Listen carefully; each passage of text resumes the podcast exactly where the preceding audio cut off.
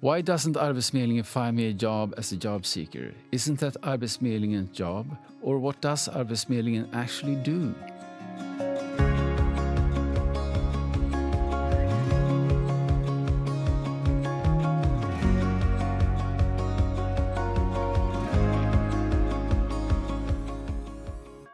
Welcome to the New in Sweden podcast, where we explain, give tips, and offer advice on working in Sweden. Today, we will talk about Arbetsförmedlingen and how they can help you when you are looking for a job. I'm Per Axelsson, and I'm joined today in the studio by job search expert Sisa Madani. You're pretty good at this too, Per. We'll see. Hey, Sisa, I asked a friend of mine what she thought when she heard the word Arbetsförmedlingen. Do you know what she answered? Mm, no? You provide jobs. You can tell that by the name. It means the Swedish Public Employment Service. In other words, finding jobs for job seekers. Yeah, I recognize that. Many people I've met say the same thing. And it is sometimes tricky to understand Arbetsförmedlingens mission, or maybe one could say easy to misunderstand. But we are here to explain and clarify. Exactly. So I thought we'd take it step by step. We will start by asking what Arbetsförmedlingen is. Yes, and it's like this Arbetsförmedlingen is a government agency in Sweden. And that means that the government and the parliament decide with what and how Arbetsförmedlingen should work. Those who govern Sweden give Arbetsförmedlingen a mission. Okay, so what is Arbetsförmedlingens mission? Arbetsförmedlingens mission is to help those who are looking for work to find and get a job. Okay, can you explain with an example? Yes, if we say this, Arbetsförmedlingen exists to help job seekers and employers to find each other.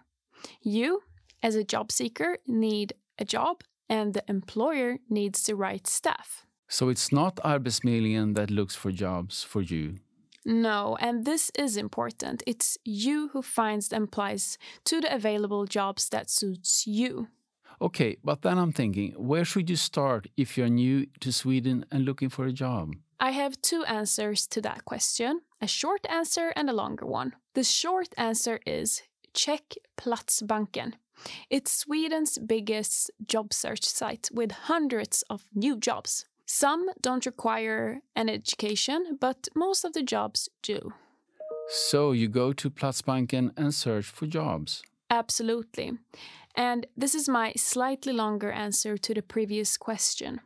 To apply for a job and get a job, you need to understand the Swedish labor market. For example, meeting the requirements that the employer has set in the job advertisement. The employer's requirement, what does that mean? It means that you need to have the knowledge and competence that the employer is seeking, but also you have to have a good CV and a good cover letter. This is great information. But what should you do if you don't have the knowledge, competence, and education? Then you can get help from Arbetsförmedlingen. In what way? I have asked a colleague who is knowledgeable on the subject. His name is Fredrik Möller.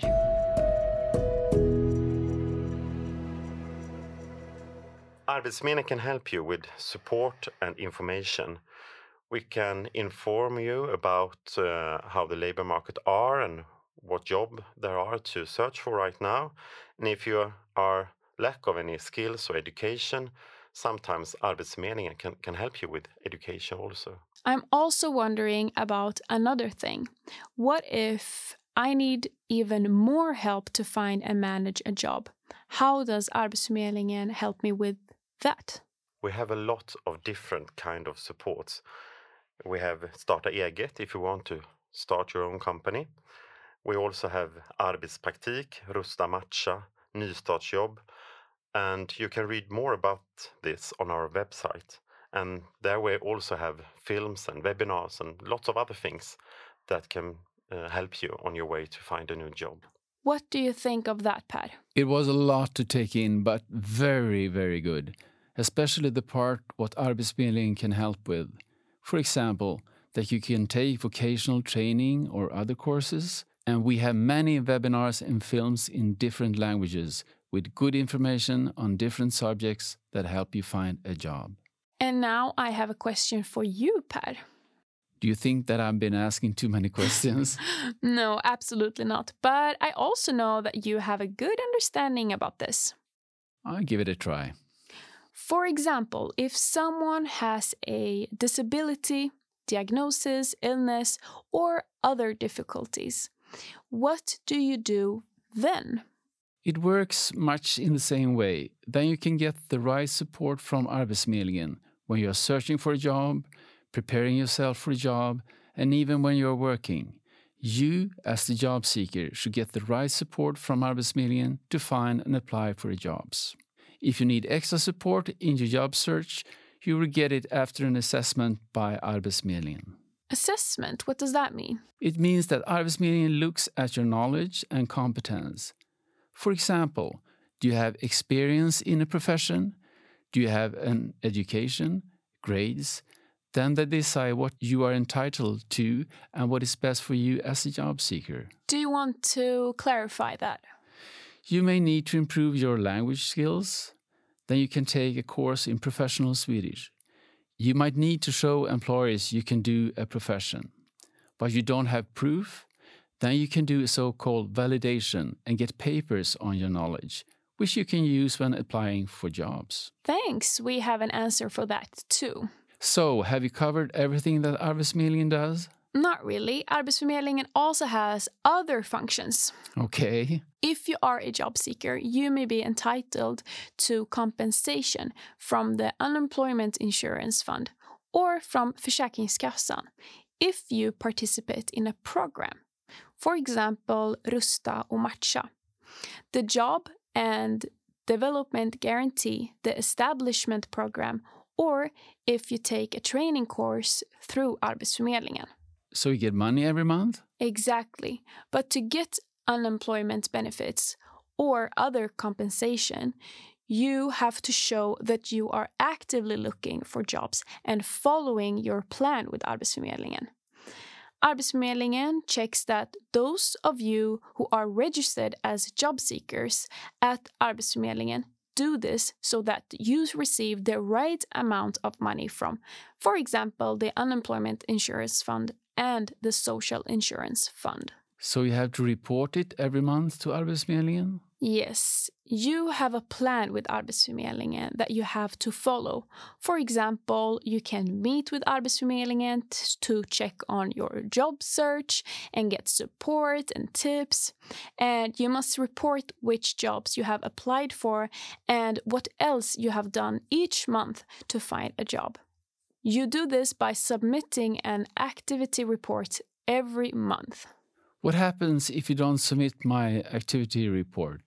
If you are receiving money from the Unemployment Insurance Fund, for example, Arbetsförmedlingen will notify the Unemployment Insurance Fund.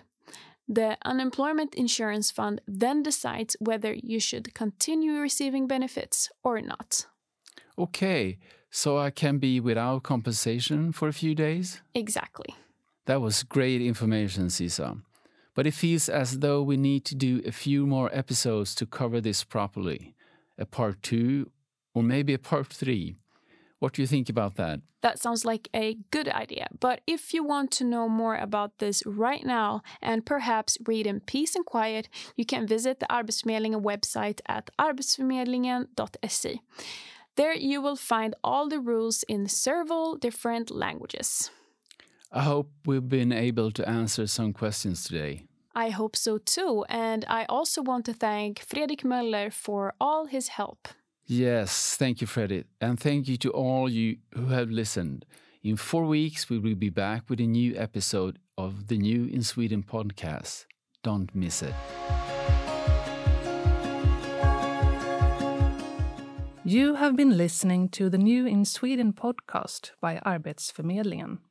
You can find all previous episodes at arbetsformedlingen.se play. Have you got any questions, tips, or ideas? Please email us at podcast at arbetsformedlingen.se. This episode was produced in the spring of 2023.